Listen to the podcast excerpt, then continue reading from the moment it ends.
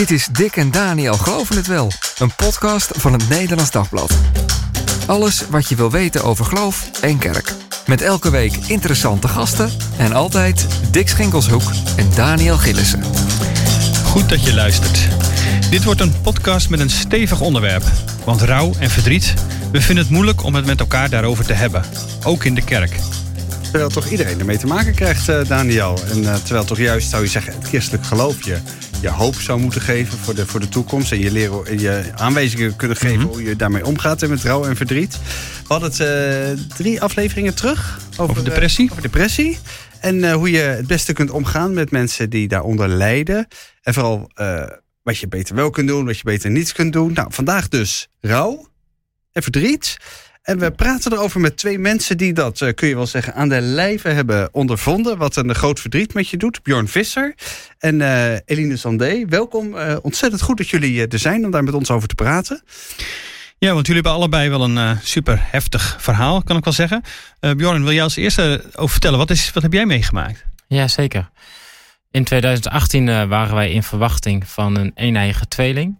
En wij wisten dat bij een een-eigen tweeling de zwangerschap altijd wat gecompliceerder is. Ja.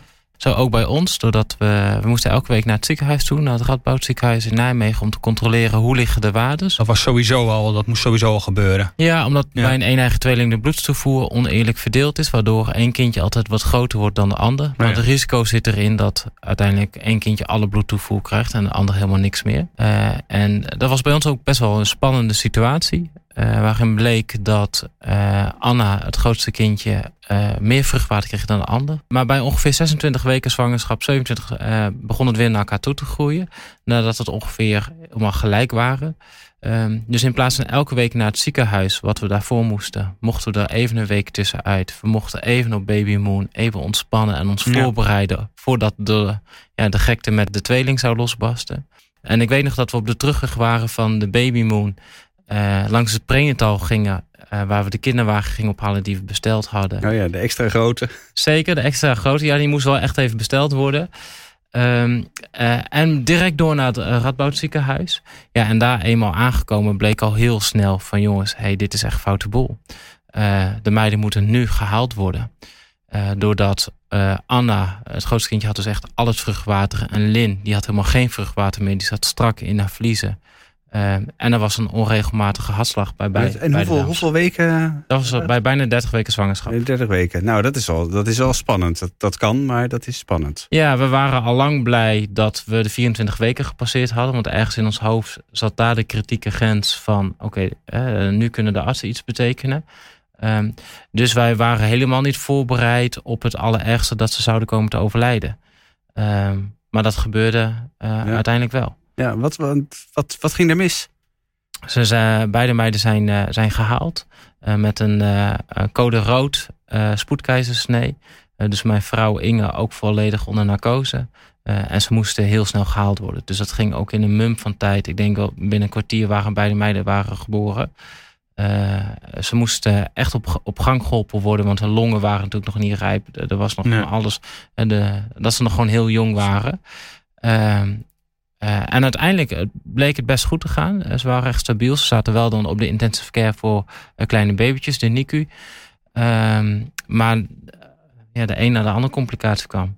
Van hersenbloedingjes tot vitale organen die niet goed ja. functioneerden. En echt bij, bij allebei? Uiteindelijk bij allebei, ja. ja. En eerst was de boodschap bij, en bij Anna. Daar hadden ze eerst een hersenbloeding hadden ze daar geconstateerd.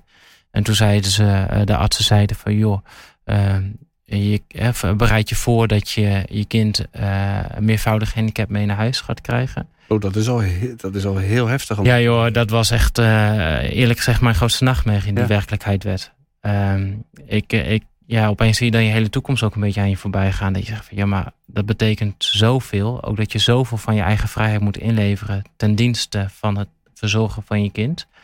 Uh, nu achteraf denk ik, ja, had ik ze maar meervoudig handicap mee naar huis toe gekregen. En het werd nog erger, want ze kwamen inderdaad, ze haalden het niet.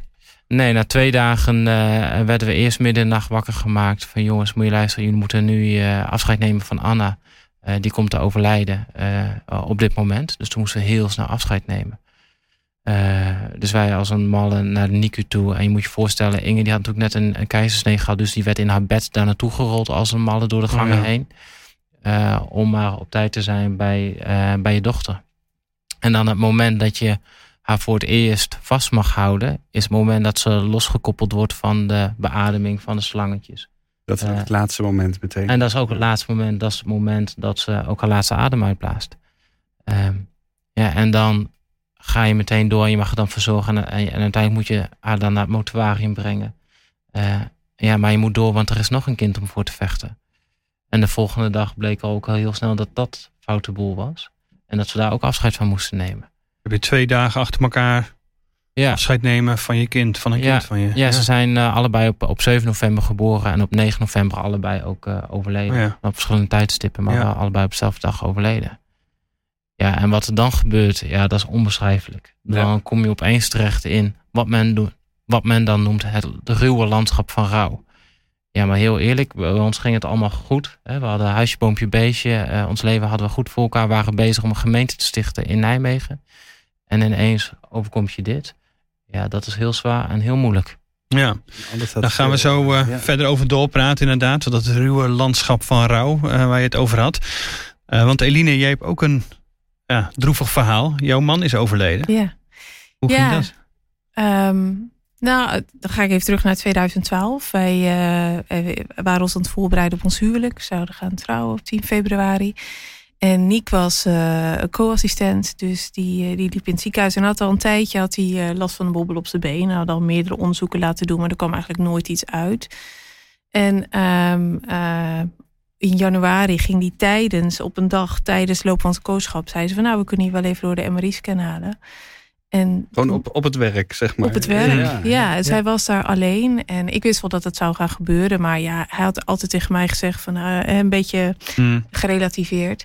Dus ik was er ook niet bij. Um, ik, ik, stond net op het punt om een presentatie te gaan geven. En ik had, we hadden afgesproken, alleen als het erg is, dan moet je bellen.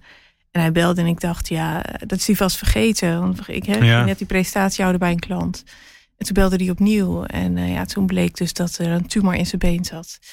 En um, uh, na tien dagen van onderzoek bleek dat dat een uh, agressieve vorm van botkanker, een Ewing-sarcoom was. Ja, en toen stond natuurlijk heel onze wereld op kop. Vanuit uh, het, leven, het toeleven naar je trouwdag. opeens is de hele wereld totaal anders. Um, maar wel, hè, dat het was, het was heel, wel goed behandelbaar. maar we wisten dat we gewoon een heel jaar van behandelingen voor de, de boeg hoe, hadden. hoe oud waren jullie? Even kijken, dan moet ik, dan moet ik zelfs even denken. Een paar jaar geleden. dat was uh, 2012. Uh, ik was uh, 26 en ik was 23. Ja, dus, ja. dus ook jong. Echt Ja. Echt jong, ja. En uh, ja, we zijn natuurlijk, we, we zijn getrouwd. Het was niks liever dat we wilden dan wel samen trouwen. We zijn getrouwd en een paar dagen daarna uh, starten we met de chemotherapie in, uh, in het ziekenhuis in Leiden. En heeft hij chemotherapie gehad, een operatie aan zijn been, hebben ze de tumor verwijderd. Toen opnieuw chemotherapie en aan het einde van het jaar, toen, uh, ik weet nog, stonden we samen, keken we op oudjaarsavond zo naar buiten. En uh, ja, we hadden de boodschap gekregen dat hij schoon was, dat alles weg was. Dus dan hoop je dat je weer vooruit mag gaan kijken. Ja. Dat je dan samen ja, ook weer dingen mag gaan opbouwen. En, en, hij ging revalideren. Hij begon weer met zijn kooschappen. Uh, eerst ging dat heel goed. En toen was het toch wel weer dat je merkte dat hij klachten kreeg. En toen bleek dus een half jaar later dat, uh, dat de kanker terug was. Dat hij een aantal uitzaaiingen had. Um, ook heel spannend. Van kunnen ze nog curatieve behandelingen inzetten? Maar ja, dat kon toch nog.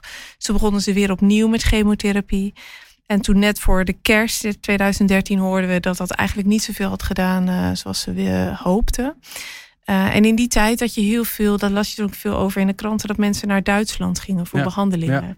Uh, omdat ze daar dan. En er werd ook vaak aan Niek gevraagd: van, ja, waarom ga je dan niet naar Duitsland? Maar Niek geloofde ook gewoon heel sterk als. Ja, als God mij beter wil maken, dan kan hij dat ook hier in Nederland. Daarvoor hoef ik niet hè, zelf naar Duitsland. Het was voor ons het bijzondere dat op een gegeven moment de specialist zei: van, Ik ben op een conferentie geweest. Ik heb artsen gesproken uit Amerika en Duitsland. En we willen zo'n behandeling voor jou naar Nederland halen. Oké. Dus ehm, in het nieuwe jaar ging, hebben ze hoge dosis chemotherapie toegediend. Nou, dat is eigenlijk vergelijkbaar met stamceltransplantatie. Alleen je krijgt je eigen stamcellen weer terug. Want met zijn stamcellen was niks mis. Maar je krijgt eigenlijk zoveel chemo dat je lijf niet, dat je niet zou overleven als je niet opnieuw je stamcellen terugkrijgt. En uh, ja, dat ging eigenlijk heel voorspoedig. Het was nog niet iemand eerder zo snel weer uit het ziekenhuis uh, gegaan. Hm. Uh, daarna op de biddag van 2014 werd hij ontslagen, mocht hij naar huis.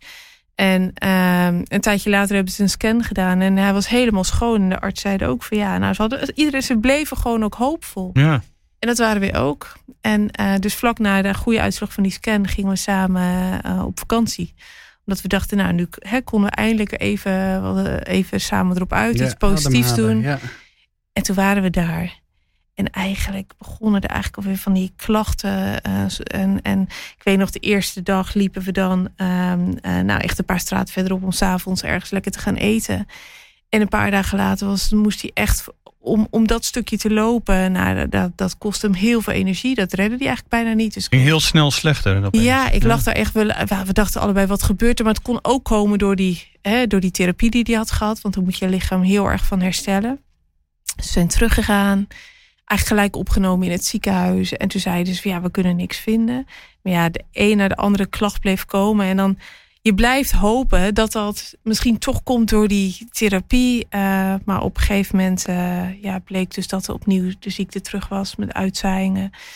En dat ze ook zeiden van ja, we, we kunnen niet meer, we kunnen je niet nee. meer genezen. Um, uh, dat was natuurlijk een ja, verschrikkelijk moment. Ik weet nog dat ik thuis. Uh, er waren natuurlijk spannende weken. En ik belde me de arts, de dokter is geweest. En die komt vanmiddag zo laat. En jij moet er ook zijn. Hmm. En dan weet je al, als je veel weet van de gezondheidszorg, dat je dan slecht nieuws krijgt. Dus dat ik naar het ziekenhuis ging. Ja, en, en we hebben daar samen zitten wachten. Op, op dat moment. Dat je, en je weet eigenlijk dat ze je dan ja, de doodsboodschap komen brengen. Waar ik wel moet zeggen dat we heel erg. We hebben samen die middag doorgebracht met lezen, uh, in de Bijbel lezen, samen zingen. En dat we heel rustig dat hebben um, doorgemaakt. Ja, en dan ga je samen naar huis. En dan weet je eigenlijk niet hoe lang je samen hebt. Hè? Dus nee. je, je, probeert enerzijds door te gaan. Uh, Niek was ook iemand die niet was van... ik ga hier als ziek iemand thuis zitten. Dus hm. wilde ook doorgaan. Die bleef ook moed en hoop houden. Maar ja, ongeveer twee maanden later is hij op 14 augustus uh, overleden. Zo. En, uh, Jullie zijn twee jaar getrouwd? Tweeënhalf jaar getrouwd ja. geweest, ja. ja.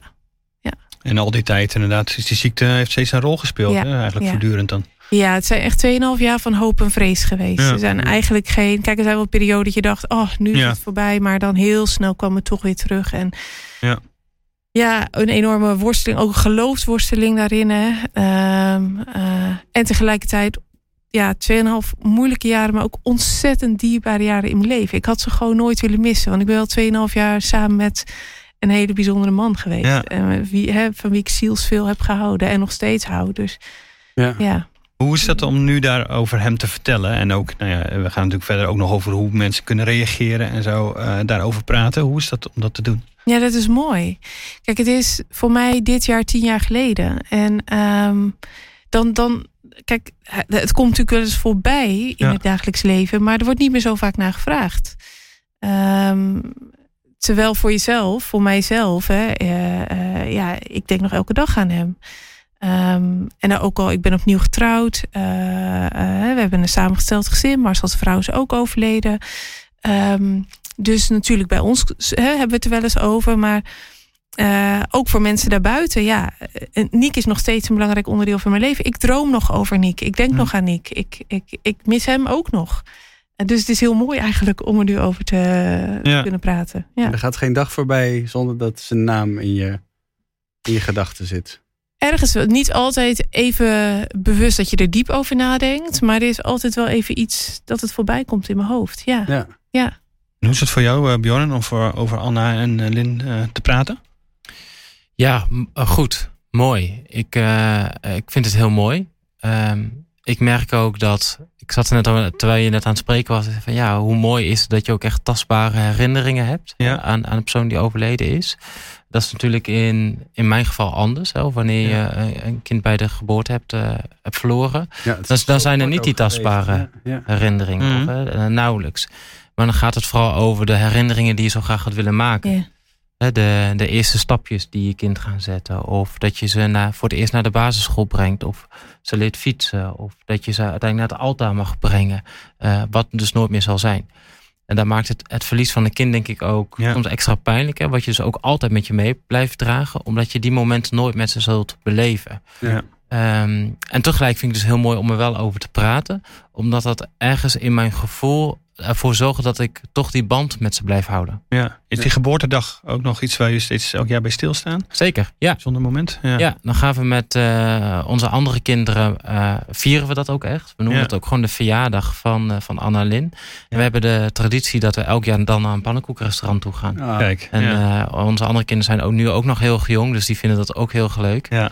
Uh, maar zij, zij leven ook echt in het besef van, ja, we hebben ook nog twee zusjes. Ja. Uh, en dat zorgt soms ook wel eens voor het ongemak. um, uh, maar ook voor hele mooie momenten. ongemak? Wat nou, we, we, zijn, we zijn pas verhuisd en, en we gingen ons voorstellen bij de buren. dus wij bellen aan bij ja. de buren en onze oudste zoon, die, die staat er. En, en de buurvrouw die doet open en die zegt, en Daan, onze zoon, die zegt mm. van, hoi, ik ben Daan en ik heb twee zusjes die dood zijn. Oh ja.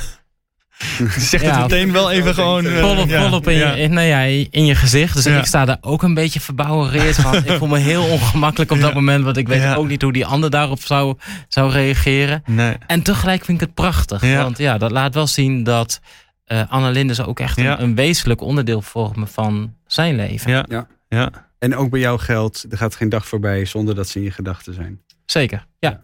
ja. Nou, we gaan met jullie praten over rouwen en over hoe je dat dan doet. En over wat je als omstander dan het beste uh, kunt zeggen. En wat voor verschil het maakt om uh, daarbij te geloven en in de kerk te zitten met elkaar. Er zijn sommige dingen dan goed om te zeggen of, uh, of juist niet. Um, maar eerst even, ben je ooit klaar met rouwen? Ja, die vraag krijg ik regelmatig. Ja? Bijvoorbeeld, heb je het al verwerkt? Ja. En dan zeg ik soms een beetje bot, zeg ik, ja, weet je, afvalverwerk je. Ja. Een kind niet. Dan staat, die, dan staat die ander wel even met een uh, ja. tot ander, denk ik. Ja. Nou, en ik, en, ik, en ik snap natuurlijk heus wel wat ze daarmee bedoelen. Ja. Uh, of heb je het al een plekje gegeven?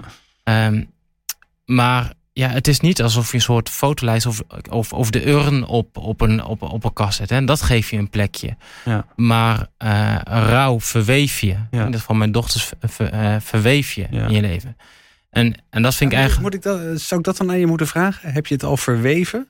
Vind je dat prettiger dan als ik zou vragen, heb je het al verwerkt? Nee, maar ik bedoel, uh, ik zou de vraag denk ik anders formuleren. Van, joh, heb je er, uh, uh, denk je nog wel eens ja. aan Anna ja. Hè? Ja. Bijvoorbeeld wat je, de vraag die je net stelde. Van, dus er gaat geen dag voorbij dat je aan ze denkt. Heb je vandaag ook nog aan ze gedacht?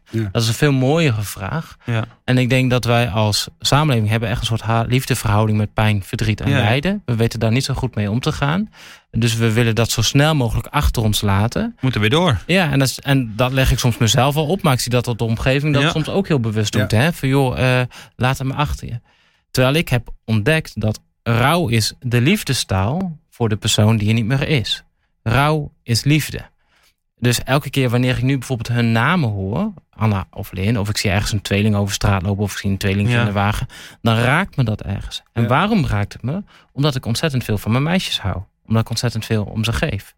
Dus in plaats van dat door, door de vraag kun je soms impliceren van joh, heb je het al achter je gelaten? weet je? Uh, en maken soms een soort onderscheid in van joh, je mag er niet meer verder leven.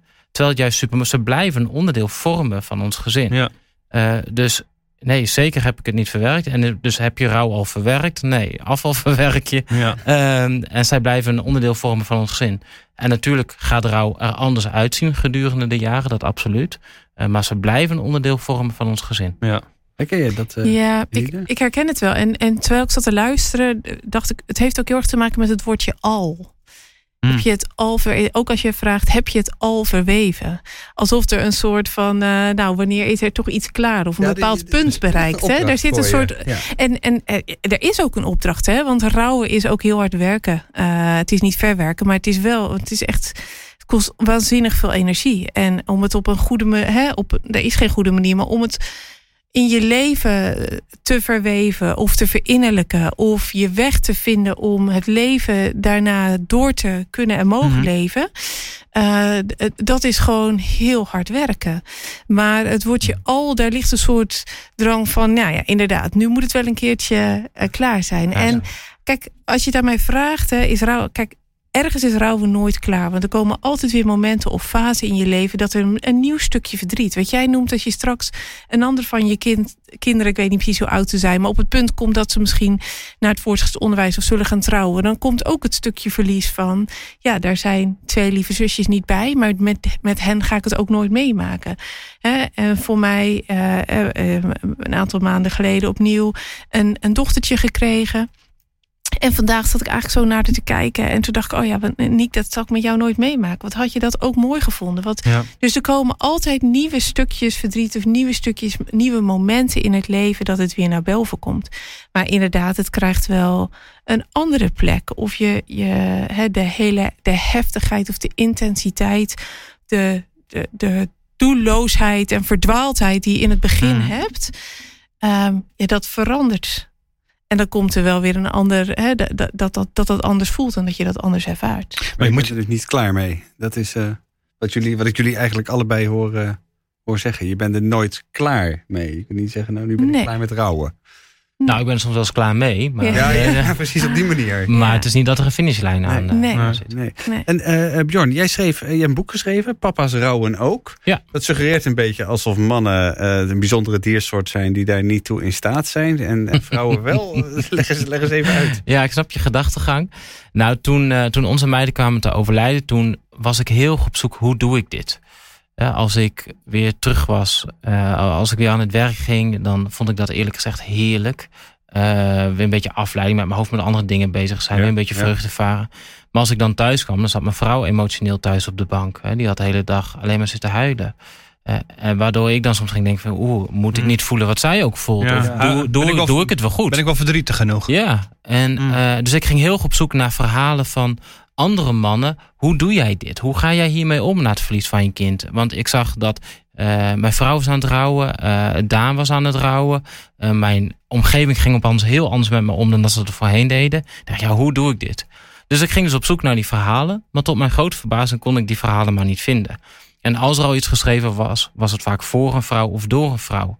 Terwijl ik wel om me heen zag dat heel veel huwelijken stuk liepen. Uh, heel veel mannen met een burn-out of een depressie thuis zaten. Uh, heel veel verhalen hoorden ook over suïcide. Dat ik dacht van ja, maar dan moeten die verhalen toch ook ergens gehoord worden. Nou, dit, dat was er nog niet. Dus ik heb uiteindelijk uh, twaalf verhalen verzameld van mannen die een kind hebben verloren. Of meerdere kinderen. Van wat gaat van een miskraam daar wordt er helemaal niet over gesproken door mannen. Uh, tot een kind van 18 jaar en alles wat er tussenin zit. Van, joh, hoe ben je hiermee omgegaan?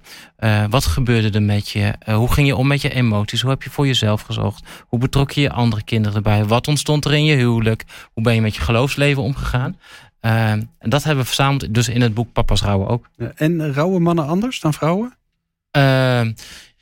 Ja, dat is een hele mooie goede vraag te zeggen. Ga het boek lezen. Mhm. Ehm, maar je ziet wel dat, kijk, als het gaat over emoties, hè, bijvoorbeeld schuld, schaamte, eenzaamheid, uh, dat loopt parallel, zowel bij een man als bij een vrouw.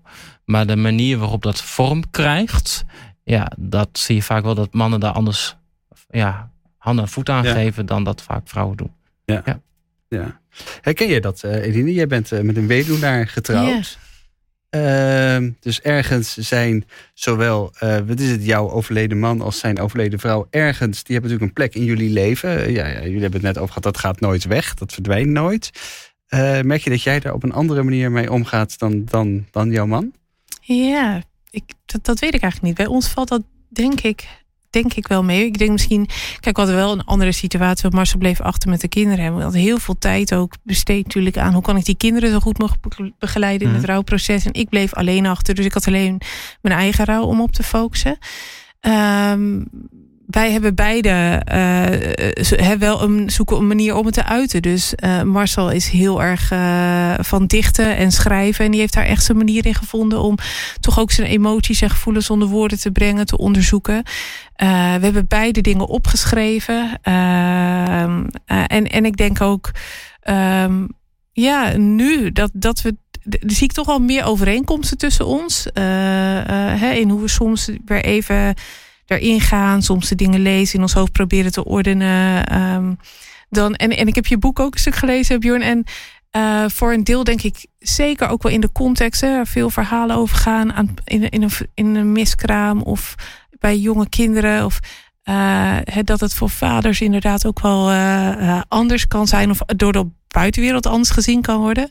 Uh, en toch waren er ook dingen die ik wel weer herkende bij de vaders. Hè, in hoe ze uh, beleefden. Um, dus ja, ja er, er zijn verschillen. Maar ik, ik ja. vind ook wel overeenkomsten. Maak ze niet te groot, die verschillen. Nee, ik denk dat het, het heeft ook heel erg te maken met wie je zelf bent als individu. Hè? Dus je, er wordt wel in een rouw over herstelgericht, verliesgericht. Uh, ik denk dat mannen wat, wat vaker bijvoorbeeld herstelgericht, hè, het doorgaan Zeker. werken. Vooral in het begin. Vooral in het begin. Nou, als ik heel eerlijk ben. Even herstelgericht, verliesgericht. Nou, ben je vooral achteruit aan het kijken naar hetgene wat je verloren hebt? Of ja. ben je bezig met het verder leven en je weer op je werk storten en doorgaan? En um, maar ik denk dat ik van nature ook wel een stukje herstelgericht zijn in me heb. Uh, dus voor mij was het juist zo goed dat mijn werkgever zei van nou gaan we nog maar niet te snel beginnen. En me een rouwcoach gaf die me ook leerde om regelmatig echt die stap achteruit te doen. En die golf van verdriet weer helemaal in te gaan. Dus ik denk dat daar soms ook wel. En, en, en vrouwen ja. hebben wel iets meer de neiging om verliesgericht ja, te zijn. Ik denk dat het inderdaad per persoon verschilt. Maar het zit ook in de, in de maatschappij. Uh, um, als je kijkt. Maatschappij is dan meer herstel, herstelgericht. Uh, nee, ik, ik bedoel meer van dat er, en dat hoor ik van heel veel mannen, dat, dat bijvoorbeeld vrienden vragen: joh, hey, hoe is het nu met je vrouw? He, hoe gaat het ja. nu met ze? Uh, heeft ze het al een plekje gegeven? terwijl de bijna nooit de vraag wordt gesteld: hey, vertel eens, hoe gaat het nu eigenlijk met jou? Zelfs je eigen ouders, die dat soms mm. wel, wel geïnteresseerd vragen naar je vrouw. En er is bijna geen enkele man die daar kwaad om wordt of die dat niet begrijpt. Natuurlijk, en vooral als het gaat over bijvoorbeeld een miskraam of wanneer een vrouw bevallen is, ja, die heeft ook de lichamelijke complicaties uh, ervan. Uh, maar er moet toch ooit wel eens iemand zijn die uh, vraagt: joh, maar vertel eens, hoe gaat het nu met jou? Ik moet even denken aan, aan Tom. We mochten drie maanden terug mochten we een een training geven aan 60 huisartsen. En die vertelde, joh, de huisarts kwam bij ons thuis. Die liep naar Klasina, zijn vrouw toe. En uh, die vroeg van, joh, uh, hoe gaat het nu met je? En die deden nakontroles ook bij, bij zijn vrouw. En uh, nou, nadat hij zijn praatje gedaan, draaide hij zich om. En liep hem voorbij weer weg naar huis toe. Zonder te vragen, hey Tom, hoe gaat het nu eigenlijk met jou? Maar diezelfde huisarts was wel heel stom verbaasd... dat hij een aantal weken later met depressieklachten... bij hem weer terug op, op, op, op kantoor kwam. Uh, van jij Tom, het ging toch zo goed met jou? Ja, maar je hebt ook nooit gevraagd hoe het eigenlijk met me gaat. Ja. En daar zit denk ik wel iets in de maatschappij... dat we sneller geneigd zijn om aandacht aan de vrouw te geven... dan ook de mannen. De rouwende mannen worden vergeten. Ja, misschien ook de context. Kijk, je vroeg mij naar mijn uh, ja. man. Die is zijn vrouw verloren. Hè? Dus uh, ik denk dat... Je, ja, je hebt ook veel geschreven over als je je kind verliest. En dan snap ik wel dat misschien de maatschappij inderdaad meer naar die hè, naar die vrouw kijkt, ja. dat je dat ervaart. De moeder kijkt en, dan naar de vader, ja. Ja. Maar die omstanders inderdaad, om daar maar even op, op door te gaan. Je tipt het al even aan, hè? De huisarts een omstander, uh, andere omstanders. Nou ja, wat, maar ook ik zelf net, uh, en, Daniel. Precies, net. en wij zelf. Ik vroeg ja. dus blijkbaar, uh, al heb je het al. Ja. Uh, ik dacht van, ik doe heel modern. Heb je het al ja. verweten? En we reageren daar als tijgers op. Ja, ja. dan Elite, ja, je zegt al. Want dat is alsof het een opdracht is. Want, want, hoe onbehouden kan het soms zijn? Hoe mensen reageren? Of is er, merk je altijd wel dat er wel een Nou ja, betrokkenheid uh, bij zit? Ja, ja ik, de eerlijkheid gebied zeggen ja, er worden heel veel pijnlijke dingen gezegd. In de kerk, buiten de kerk, waar dan ook. Uh, gelukkig kun je nog kinderen krijgen. Of hè, de kinderen zijn nu op een betere plek. Hoezo op een betere plek had ik in ieder geval kunnen zorgen? Uh, uh, uh, gelukkig nou, andere ja. kinderen. Gelukkig kun je zwanger raken. Nou, er worden heel ja. veel dingen, pijnlijke dingen gezegd. Maar de eerlijkheid gebiedt mij te zeggen... dat ik liever heb dat iemand iets pijnlijks zegt... dan dat iemand helemaal niks zegt. Mm. Want ik kan heel goed door de motivatie van iemand door, daardoor heen prikken. Want ik, ik zie dat je het probeert. Ik zie dat je probeert om contact te maken. Ja. En ja, dat gaat soms met horten en stoten. En voordat ik dit zelf had meegemaakt, was ik denk ik ook met een hele grote bocht om de rouwende heen uh, gaan lopen. Dus je hebt een zekere mildheid naar de mensen om ja, je heen. Ja, ik, ik, heb veel liever dat iemand, want dan zie ik wel dat je het probeert. Want het is al zo ontzettend eenzaam. Hè. Ik noemde net al even, ja. Eh, hoe ga je überhaupt mee om? Uh, want ja, er zit heel veel verdriet en er zit pijn, maar er zit ook heel veel liefde en trots. Hè, voor, voor je kind. En ik hoor het jou ook zeggen naar je partner toe. Daar wil je ook heel graag over spreken. Alleen je wil die ander daar vaak niet mee belasten. En als je de, dus als je als omstander daar heel gericht naar vraagt doe je ook een uitnodiging. Deel er alsjeblieft over. Ja. Want ik wil het graag horen. Want wordt er nu door omstanders nog nagevraagd? Hè? Je bent, uh, het is vijf, zes jaar geleden. Ja. Uh, op een gegeven moment zullen mensen misschien denken... ik zeg er maar even niks meer over. Ja. Of wat merk je daar? Ja, zeker. Kijk, ik moet daar onderscheid in maken dat het ook nu deels mijn werk is. Hè. Dus uh, ik ben er altijd mee bezig.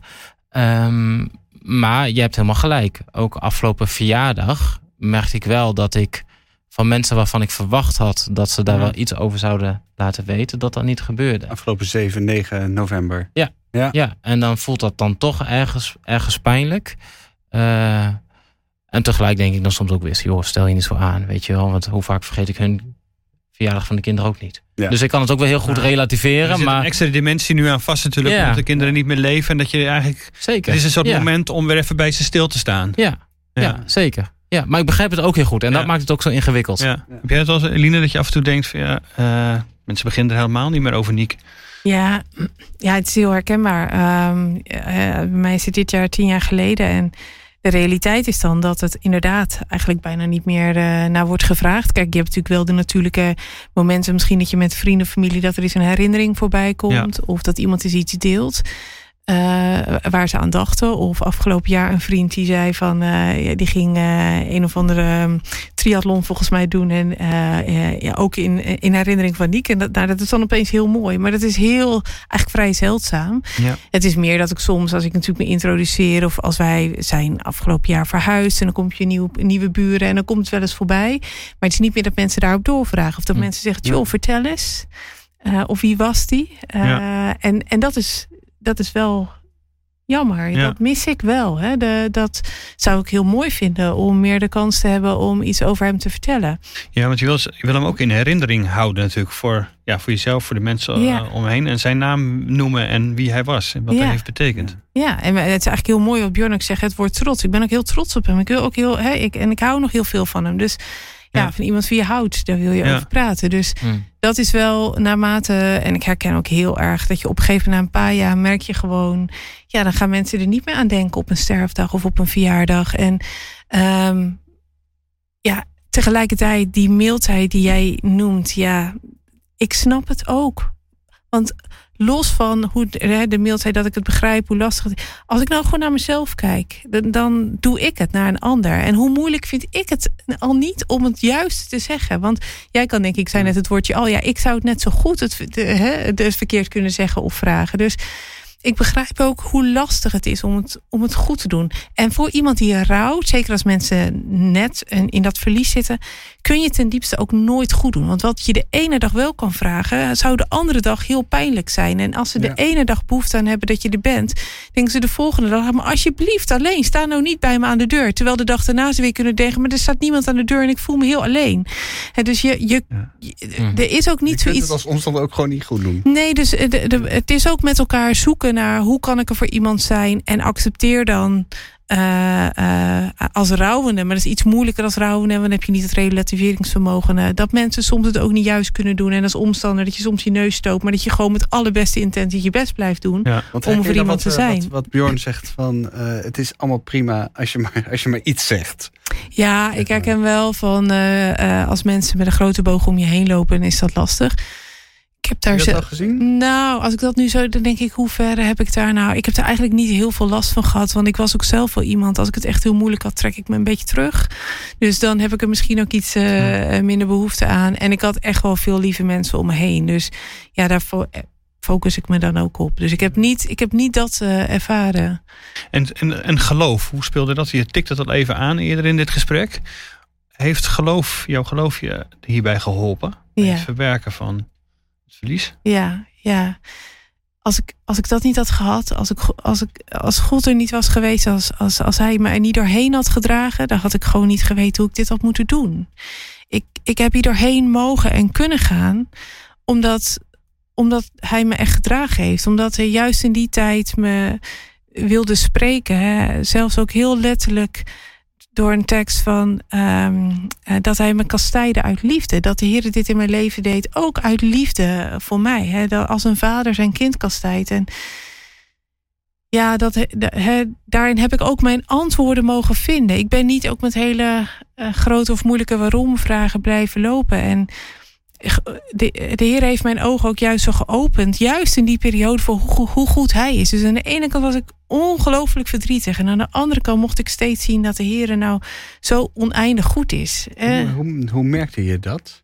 Welke concrete momenten waarop je dat merkte? Ja, toch als hij sprak door zijn woord. Uh, een psalm die we zongen in de kerk. Of, of hetgene wat ik dan net mocht lezen. En dan, kijk, je weet, als je in de Bijbel leest, kan je de ene moment kan je het lezen. Eh, zonder dat het je diep raakt. Maar ja, als uh, iedere keer juist dat. Um, en ik weet nog, ik had bijvoorbeeld een, een, na een aantal, ik weet geen ik denk twee maanden of zo, had ik, ik had een hele fotopresentatie gebouwd. Allemaal met muziek en film en het leven van Niek en mij. En vrienden uitgenodigd om het allemaal te komen bekijken. En uh, en na die tijd dat we hadden bekeken, uh, was voor, voor hun achteraf veel heftiger dan voor mij. Want ik had die beelden al honderden keren gezien. En, maar dat ik eigenlijk zei van, ja, kunnen we met elkaar zingen? Uh, Psalm, de Heer is recht in al zijn weg en werk. Zijn goedheid kent in het gans heel geen perk. En dat dat echt zo in mijn hart leefde. Hoe, hoe, ondanks alles, hoe goed de Heer was. En dat heeft mij wel er doorheen gedragen. En ook weer hoop en moed gegeven om, om verder te gaan. Het lijkt me ook af en toe heel lastig uitleggen aan, aan, aan andere mensen. Bijvoorbeeld zo'n tekst die je noemt. Dat God niet voor niks uh, we zitten zijn kinderen kastijdt. Ja. Ik vind dat ook een hele heftige tekst. Mm -hmm. ja, hallo, uh, waarom, waarom moet je door God worden aangepakt? Ja. Omdat God beter weet van mij wat goed is. Ja. Maar ik kan me ook goed, heel goed voorstellen dat je dat. Ja, ja jij, tuurlijk is dat. Jij vertelt dat je niet tuurlijk, boos ja. wordt, heel veel andere mensen worden natuurlijk wel boos. Ja, ja ik ben wel heel boos geworden hoor. En dat mag ook, hè? Dat is niet een, een, dat, dat dat één beter is dan het ander. Dus eh, boosheid is ook een menselijke reactie op het verdriet. Alleen als me, mensen vragen dat wel eens, ben je boos? En, en ik ben gewoon niet echt heel boos geweest, omdat ja, God steeds andere dingen liet zien. En dat komt natuurlijk ook. Kijk, jouw verlies, Björn, kwam natuurlijk toch onverwacht. Toch bij mij zat er een weg van 2,5 jaar voor, waarin God ook steeds sprak. We hebben echt hebben ook een hele weg zijn gegaan. Ook Niek een hele weg is gegaan om uiteindelijk echt rust te, te hebben. En je, je, handen open te mogen leggen en zeggen: Heren, uh, u wil geschieden. Ja. Dus er zit een heel proces al voor waarmee ik eh, die, die rouw inging. Maar dan nog kunnen we, hè, maar ja, God heeft mij daarvoor bewaard. Of, en, en, of heeft dat uit mij weggenomen. Um, uh, door toch te laten zien dat hij het was. En dat het juist zijn liefde was. En dan snap ik het niet. Dan doet het ongelooflijk zeer. En toch mag ik dan weten uh, dat hij het beter weet dan ik. En dan, en dan mocht ik het daar ook laten liggen. Hè? Dan, ik kan het niet rechtbreien. Ik kan het ook niet rond, hè, rondmaken voor iemand anders. Maar daar, daar ligt wel de rust. En wat jij gelooft, het is geen stom toeval dat dit gebeurd is. Hier zit, hier zit een goede God. Hier zit, een, hier zit een goede God en dit was heel specifiek zijn weg in het leven van Niek en mij, van ons allebei. Wanneer kwam jouw boosheid, uh, Bjorn? Nou, al meteen. Ja? Echt meteen die dag, die negen? Nou, ja, dat, dat weet ik niet, maar wel vrij snel na het overlijden. Ja. En wij waren dus bezig om een gemeente te stichten. Uh, daar zaten we volop in. Uh, dus ik was voorganger. ik moest leiding geven aan een gemeente, een kudde leiden. Ehm, en ik was aan het onderwijzen over de waarom, waarom is er lijden in deze wereld. Ik heb theologie gestudeerd, dus ik heb voor geleerd hè, over hoe zit het met lijden in de nou, wereld. Toen, ja, je kent maar, het antwoord. Ja, alle scenario's en antwoorden. Ja, maar, maar, maar, dan krijgt het ineens een gezicht. Ja. En in mijn geval twee gezichtjes. En dan ga je er echt heel anders mee om dan datgene wat je uh, geleerd hebt en wat er allemaal in je hoofd zit. Ja. Um, dus die waarom-vraag, die heb ik daadwerkelijk wel echt gesteld. En, uh, en met ook de heftigheid van de emoties erbij, de boosheid. Ik heb, het, uh, ik heb het overal en nergens gezocht. Ik heb het in de stilte gezocht. Ik ben naar genezingsdiensten gegaan. Ik heb het overal al gezocht. En, uh, en, en, en, uiteindelijk is, is die drang naar de waarom is zeker het, het zwijgen opgelegd. Heb je een antwoord gekregen? Of? Nee, ik heb geen antwoord gekregen. Maar nou ja, dat is uiteindelijk ook een heel, heel bijzonder verhaal. Maar uiteindelijk um, ja, zeg ik, ik kreeg, een, kreeg ik een soort beeld. En in, in dat beeld werd heel duidelijk uh, dat God bijna tegen, tegen mij vertelde: van, als, als iemand weet wat het betekent om een kind te verliezen, dan ben ik het zelf. En, en dat ging zo diep. En ik krijg weer kippenvel als ik er weer even over, over spreek. Um, maar dat, dat gaat zo diep. Dat heeft ook direct het, het zwijgen, die drang naar de waarom, mm. uh, uh, het zwijgen opgelegd. Die werd niet meer zo, was niet meer zo belangrijk Nee, die was niet meer essentieel. Ja. ja. En heel af en toe speelt hij nog steeds wel eens op. Ja. Als ik er echt even over, goed over nadenk. Van ja, waarom eigenlijk? Weet je, en hoe zit het nou? Um, maar inmiddels weet ik dat inderdaad, als er iemand is die weet wat het betekent om een kind te verliezen, dan is het God zelf die Jezus verloor. Maar heeft, heeft God er volgens jou de hand in gehad? Oeh, goede vraag. Nou, ik denk niet dat het lijden van God komt. um, en, dat wat jij ook zegt, hè, ik geloof dat God nog steeds goed is en, en goed blijft. Um, ik zie wel dat wat God nu aan het doen is. Uh, uh, ik kan hier niet zitten zonder Gods, Gods hand hierin. Nee. En uh, de manier waarop wij ook in ons huwelijk naar elkaar toe zijn gegroeid. En nou ja, welke plek, hoe dit verweefd is in ons leven. Ja. Uh, ja, daar zie ik zeker Gods hand in. Ja. En dus Gods hand niet zozeer, ja, eigenlijk meer in wat daarna komt dan. Niet zozeer in het overlijden zelf, als gewoon in de zegen daarna nog wel. Dat je dingen ziet die ook... Nou, en, dat... en dat hij er wel echt bij was. Op het moment, uh, op die operatiekamer, op de NICU, daar was God bij het overlijden, daar was God helemaal bij. Ja. Dat zeg je achteraf, kun je dat met... Uh, 100% zekerheid zeggen. zeggen. Ja, precies. Ja.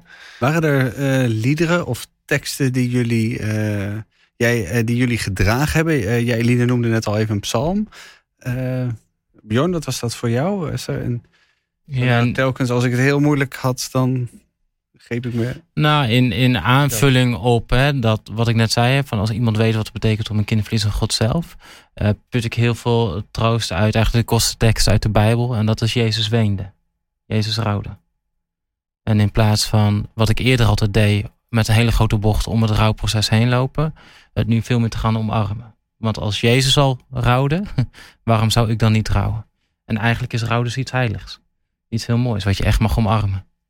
Dus het voorbeeld eh, van Jezus, zeg maar eigenlijk, bedoel je dat, dat die, die laat zien hoe, uh, ja, hoe je ook als mens uh, daarmee om kan gaan ja, met het verdriet. Ja, ja.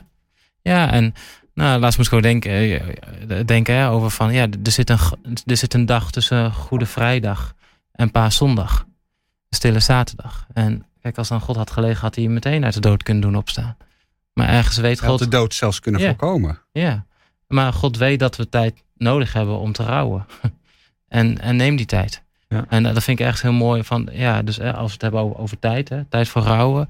Ja, neem die en benut die. En het is iets heel moois. En, en ik zou zeggen, het is iets heiligs. Je hebt natuurlijk allemaal mensen in, in je omgeving, uh, in de kerk, maar ook op andere plekken. Is er nog verschil van hoe mensen reageren? Reageren mensen in de kerk nog anders dan, dan dat je op andere plekken tegenkomt? Ja. In werk of in, op andere plekken? Ja, ja of anders. Ja. Dat gebruik ik natuurlijk al heel gauw. En dat zeg ik even heel oneerbiedig, maar het geestelijk sausje. Uh, ik weet, en ook heel veel mannen die bijvoorbeeld in het boek Papsrouw ook zitten, die hebben echt ervaren dat het in de kerk met een soort vals positivisme onder het vloerkleed wordt geveegd. Hè, of het wordt wel weggebeden. Of uh, oké, okay, uh, heb je rouw? Nou, laten we even voor je bidden. En daarna, ja, maar daarna moet het opgelost ja, zijn. Moet het klaar zijn. Een, dus dat, een hoopvol geloof. Ja, en, ja. ja dus een betere plek. Dat, dat ja, ja. ja. Of inderdaad, Gods hand zit hierin. En allemaal hele, hele moeilijke dingen. Waardoor het ook een soort heel snel de tijd aan moet zitten. Van, moet, nou ja, of we bidden dan een keer voor. En dan, dan, dan moet het klaar zijn. Uh, ja, ook binnen de kerk weten we heel lastig om te gaan blijkbaar met lijden en met pijn in deze wereld. Hoe heb jij dat ervaren, Eline? Ja, ik zit er even zo over na te denken. Ik, ik, ik weet niet of ik dat heel verschillend heb ervaren. van je werk kreeg je een ehm, rouwcoach, zei je het? Ja, van mijn werk kreeg ik een rouwcoach. En ik ben ook echt gezegend met een werkgever die, uh, en een leidinggevende in die fase in mijn leven, die daarin uh, heel goed voor me was. Um, maar ik kom op mijn werk en mensen tegen die er wel mee om konden gaan. En mensen die er niet mee om konden gaan. Ja. En hetzelfde kom ik in de kerk tegen. Mensen, ik, uh, ja, die het makkelijker vinden of die, die natuurlijker om je heen staan. maar ook mensen die ermee worstelen en, en het soms lastig vinden. En of, of soms denken, nou, we, we wachten maar even, hè, iets meer afwachten in plaats van echt naar je, naar je toestappen. Um, dus het is voor mij minder, minder uh, uh, zwart-wit, een, een, een, verschil. wat, wat raad je mensen in de kerk aan als je inderdaad weet dat iemand met rouw te maken heeft? Hoe kun je daar het beste mee omgaan?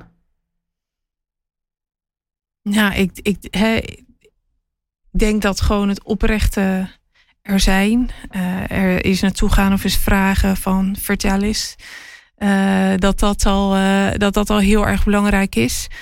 Um, ik denk ook maar voor. Ik, ja, ik, kijk, in de kerk heb je natuurlijk met elkaar dat je elkaar een ander perspectief mag geven. Dat je daar ook met elkaar over kan praten. Dat je elkaar ook mag bemoedigen. En, en tegelijkertijd is dat ook heel gevoelig. Hè, wat Bjorn ook aangeeft. Soms kan iets te snel zijn om te zeggen. Soms kan iemand op dat moment heel anders beleven. Hè, kun je met um, de, de bemoediging op dat moment misschien even helemaal niks uh, aan. Maar toch is dat wel wat ons als kerkmensen in een andere verhouding tot elkaar zet dan mensen die ja. dat niet met elkaar delen. Dan bijvoorbeeld de mensen op mijn werk. Hè. Dus ja, zoek elkaar toch ook op om uh, elkaar hoop te geven. Maar mag er naast die hoop ook dat diepe verdriet zijn. En, en uh, het, het biddend om elkaar heen staan. Ik denk dat dat toch is de opdracht die we als gemeente hebben. En voor elkaar ook in het praktische opzicht voor elkaar zorgen. Maar dat, dat meeleven en dat er voor elkaar zijn. Ja, je mag als gemeente heb je een opdracht ten opzichte van elkaar. Maar ik heb wel ook heel erg het besef en het begrip voor hoe, hoe lastig dat is. Dus ook in de kerken mildheid in um, uh, hoe je dat doet. Niet te hoge verwachtingen van elkaar hebben. Uiteindelijk hebben we als mensen een opdracht ten opzichte van elkaar. Maar er is ook maar één echte trooster. Hè? En, en dat is toch uh, waar je ook iets van vertelt, Bjorn, van uiteindelijk de troost dat um, God zelf ook weet wat het lijden is en uh, wat het is om een kind te verliezen. Of de Heer Jezus die lijden en die weende. En die troost, die, die, die kunnen we als mensen en ook als kerkmensen niet evenaren. Mm, ja. ja, en ik zou zeggen, je hebt inderdaad de, de zichtbare dingen die je kunt doen. Een kaartje sturen, een bloemetje of afgelopen jaar zijn we onze schoonvader heel plotseling overleden. Ja, de eerste twee weken werd voor ons gekookt door gewoon een kring. En die hebben gewoon gezegd, dit doen we. En, Praktisch uh, om je heen staan. Ja, elke avond als je om zes uur de deur open staat, staat een pan met warm eten voor je klaar. Uh, dat zijn hele praktische dingen. En hele zichtbare dingen ook. Wat super fijn is en nodig is. Dus wees daar alsjeblieft ook heel concreet in. Uh, maar je hebt ook de onzichtbare dingen als bijvoorbeeld echt bidden. En onderschat daar ook de kracht van gebed niet in. Ja. En, en dat hebben we zelf daarin mogen ervaren. Maar we, we weten ook van heel veel anderen van joh, uh, dat je echt gedragen kunt voelen. Hè, juist in zo'n periode. En ik zou ook zeggen, bijna gewoon organisatorisch kun je daar ook echt het, als kerk zijn er iets in doen. Uh, ik denk bijvoorbeeld even aan een vader- of een moederdag, of bij doop of opdragen. Benoem ook dat het hele feestelijke dagen zijn, ja. maar dat het bij sommige mensen ook pijn kan oproepen. Ja. Uh, ik weet dat heel veel scholen of op werk zijn er rouwprotocollen. Ja, waarom is dat er eigenlijk niet in de kerk? En waarom hebben we daar hmm. vaak niet over nagedacht? Hey, hoe gaan we hiermee om? Hoe willen we met mensen omgaan? Wat vinden we daarin belangrijk? Stel er ook een advies in op. Ja, dat je zeker. echt in, ja. uh, mensen ook praktisch daarin kunnen helpen van hoe ze dat vormgeven. Ja, ja, ja want het ja. kan enorm helpend zijn. Ja. ja. En misschien als ik aan mag vullen, onderken ook hè, dat het soms koorddansen is. Uh, want rouwende mensen zijn heel verdrietig en het is ook niet altijd, het is ook niet altijd makkelijk. Dus geef ook niet te snel op. Dus op het moment dat iemand een keer zegt van ja, maar ik heb even geen behoefte aan.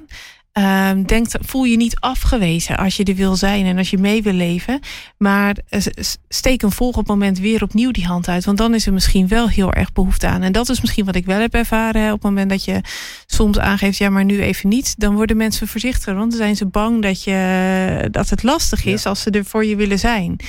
Um, en, en ik denk die, ja, uh, dynamiek samen vinden dat iemand mag aangeven van ja, maar nu willen we even niet dat je voor ons kookt, want de kinderen willen gewoon de macaroni ja. eten zoals mama hem altijd ja. maakte, om dat te kunnen smaken. En een andere dag, maar dat betekent niet dat ik het volgende week niet heel fijn vind. Hè? Dat, daar zit wel een. Uh... Dus vraag het ook gewoon en en en en hou. En kruip niet in je schulp als je ja. een keer nul op het request krijgt. Ja. Ja. En ik, uh, ik wil zeggen, Bjorn, wat jij net zei: van het is soms beter om een foute opmerking te maken dan om helemaal niks uh, te zeggen. Die, uh, die knoop ik in elk geval ook, ook in mijn oren. Ook als dat gaat om zo'n zo'n uitspraak als: ja, je kinderen zijn nu misschien op een betere plek. Hoe dat dat even niet uitkomt op zo'n moment. maar als we het over, over Anna en Lin hebben, ver, verwacht je dat je hen gaat, gaat terugzien in een. Absoluut. leven? Ja. ja. Hoe, hoe gaat dat zijn? Heb je daar een beeld bij? Ja, dat, is, ik mezelf ook regelmatig af te vragen hoe dat zal zijn. Zal ik ze inderdaad nog als kleine meisjes zien? Of dan zijn ze dan ook alweer grote, grote meiden, weet je wel. Um, maar over, uh, over dat soort vragen kan ik best wel even nadenken. Maar of ik ze terug ga zien, ja, absoluut. Het feit dat staat echt als een paal boven water. Zeker weten. Ja. Ja. ja. ja. Hoe is dat voor jou, Eline? En Niek? Ja, ja ik mag dat wel geloven. ik, ik, ik, ik mag geloven dat, toch zeker weten dat Niek bij God is. En ja, zelf toch ook de hoop hebben en, en, het uitzien hebben om, uh, uh, om na het sterven naar God te mogen gaan. En um, ik geloof wel dat we elkaar daar zullen zien. Alleen inderdaad, hoe dat precies zal zijn. Uh, en uiteindelijk. Heb je, heb je er een beeld bij? Of, probeer je dat wel eens te, te nee, want, maken, dat beeld? Nee, eigenlijk niet. deze is natuurlijk wel eens misschien wel door mijn hoofd gegaan. Maar wat ik wel ook probeer vast te houden, dat het in de hemel uiteindelijk ook gaat om God. Om daar God en Christus te zien. En dat is heel, en, en is ook heel groot. En daar zie ik ook naar uit dat ik Niek ook mag zien. Maar uh, de, dat de hemel ook niet te veel een aardse plek wordt waar ik soort wat ik hier op aarde uh, met Niek had, verwacht dat ik daar. Uh, hè, dat we daar, daar, dat het nog even daar wel weer is ja.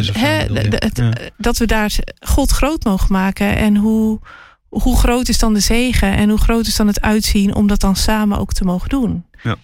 Dank Bjorn en Eline voor het delen van jullie verhaal en ook het open vertellen over rouw. Ik denk dat het veel inzichtelijk maakt over hoe dat gaat en hoe je daar ook als omstanders mee om kunt gaan. Hartelijk dank daarvoor. Heel graag gedaan. En ook jij als uh, luisteraar uh, van deze podcast, dankjewel voor het luisteren. Uh, vind je het interessant wat we doen? Hier overweegt dan eens een abonnement op het Nederlands Dagblad. In het Nederlands Dagblad vind je ook onder meer iedere twee weken een rubriek die heet De Lege Plek.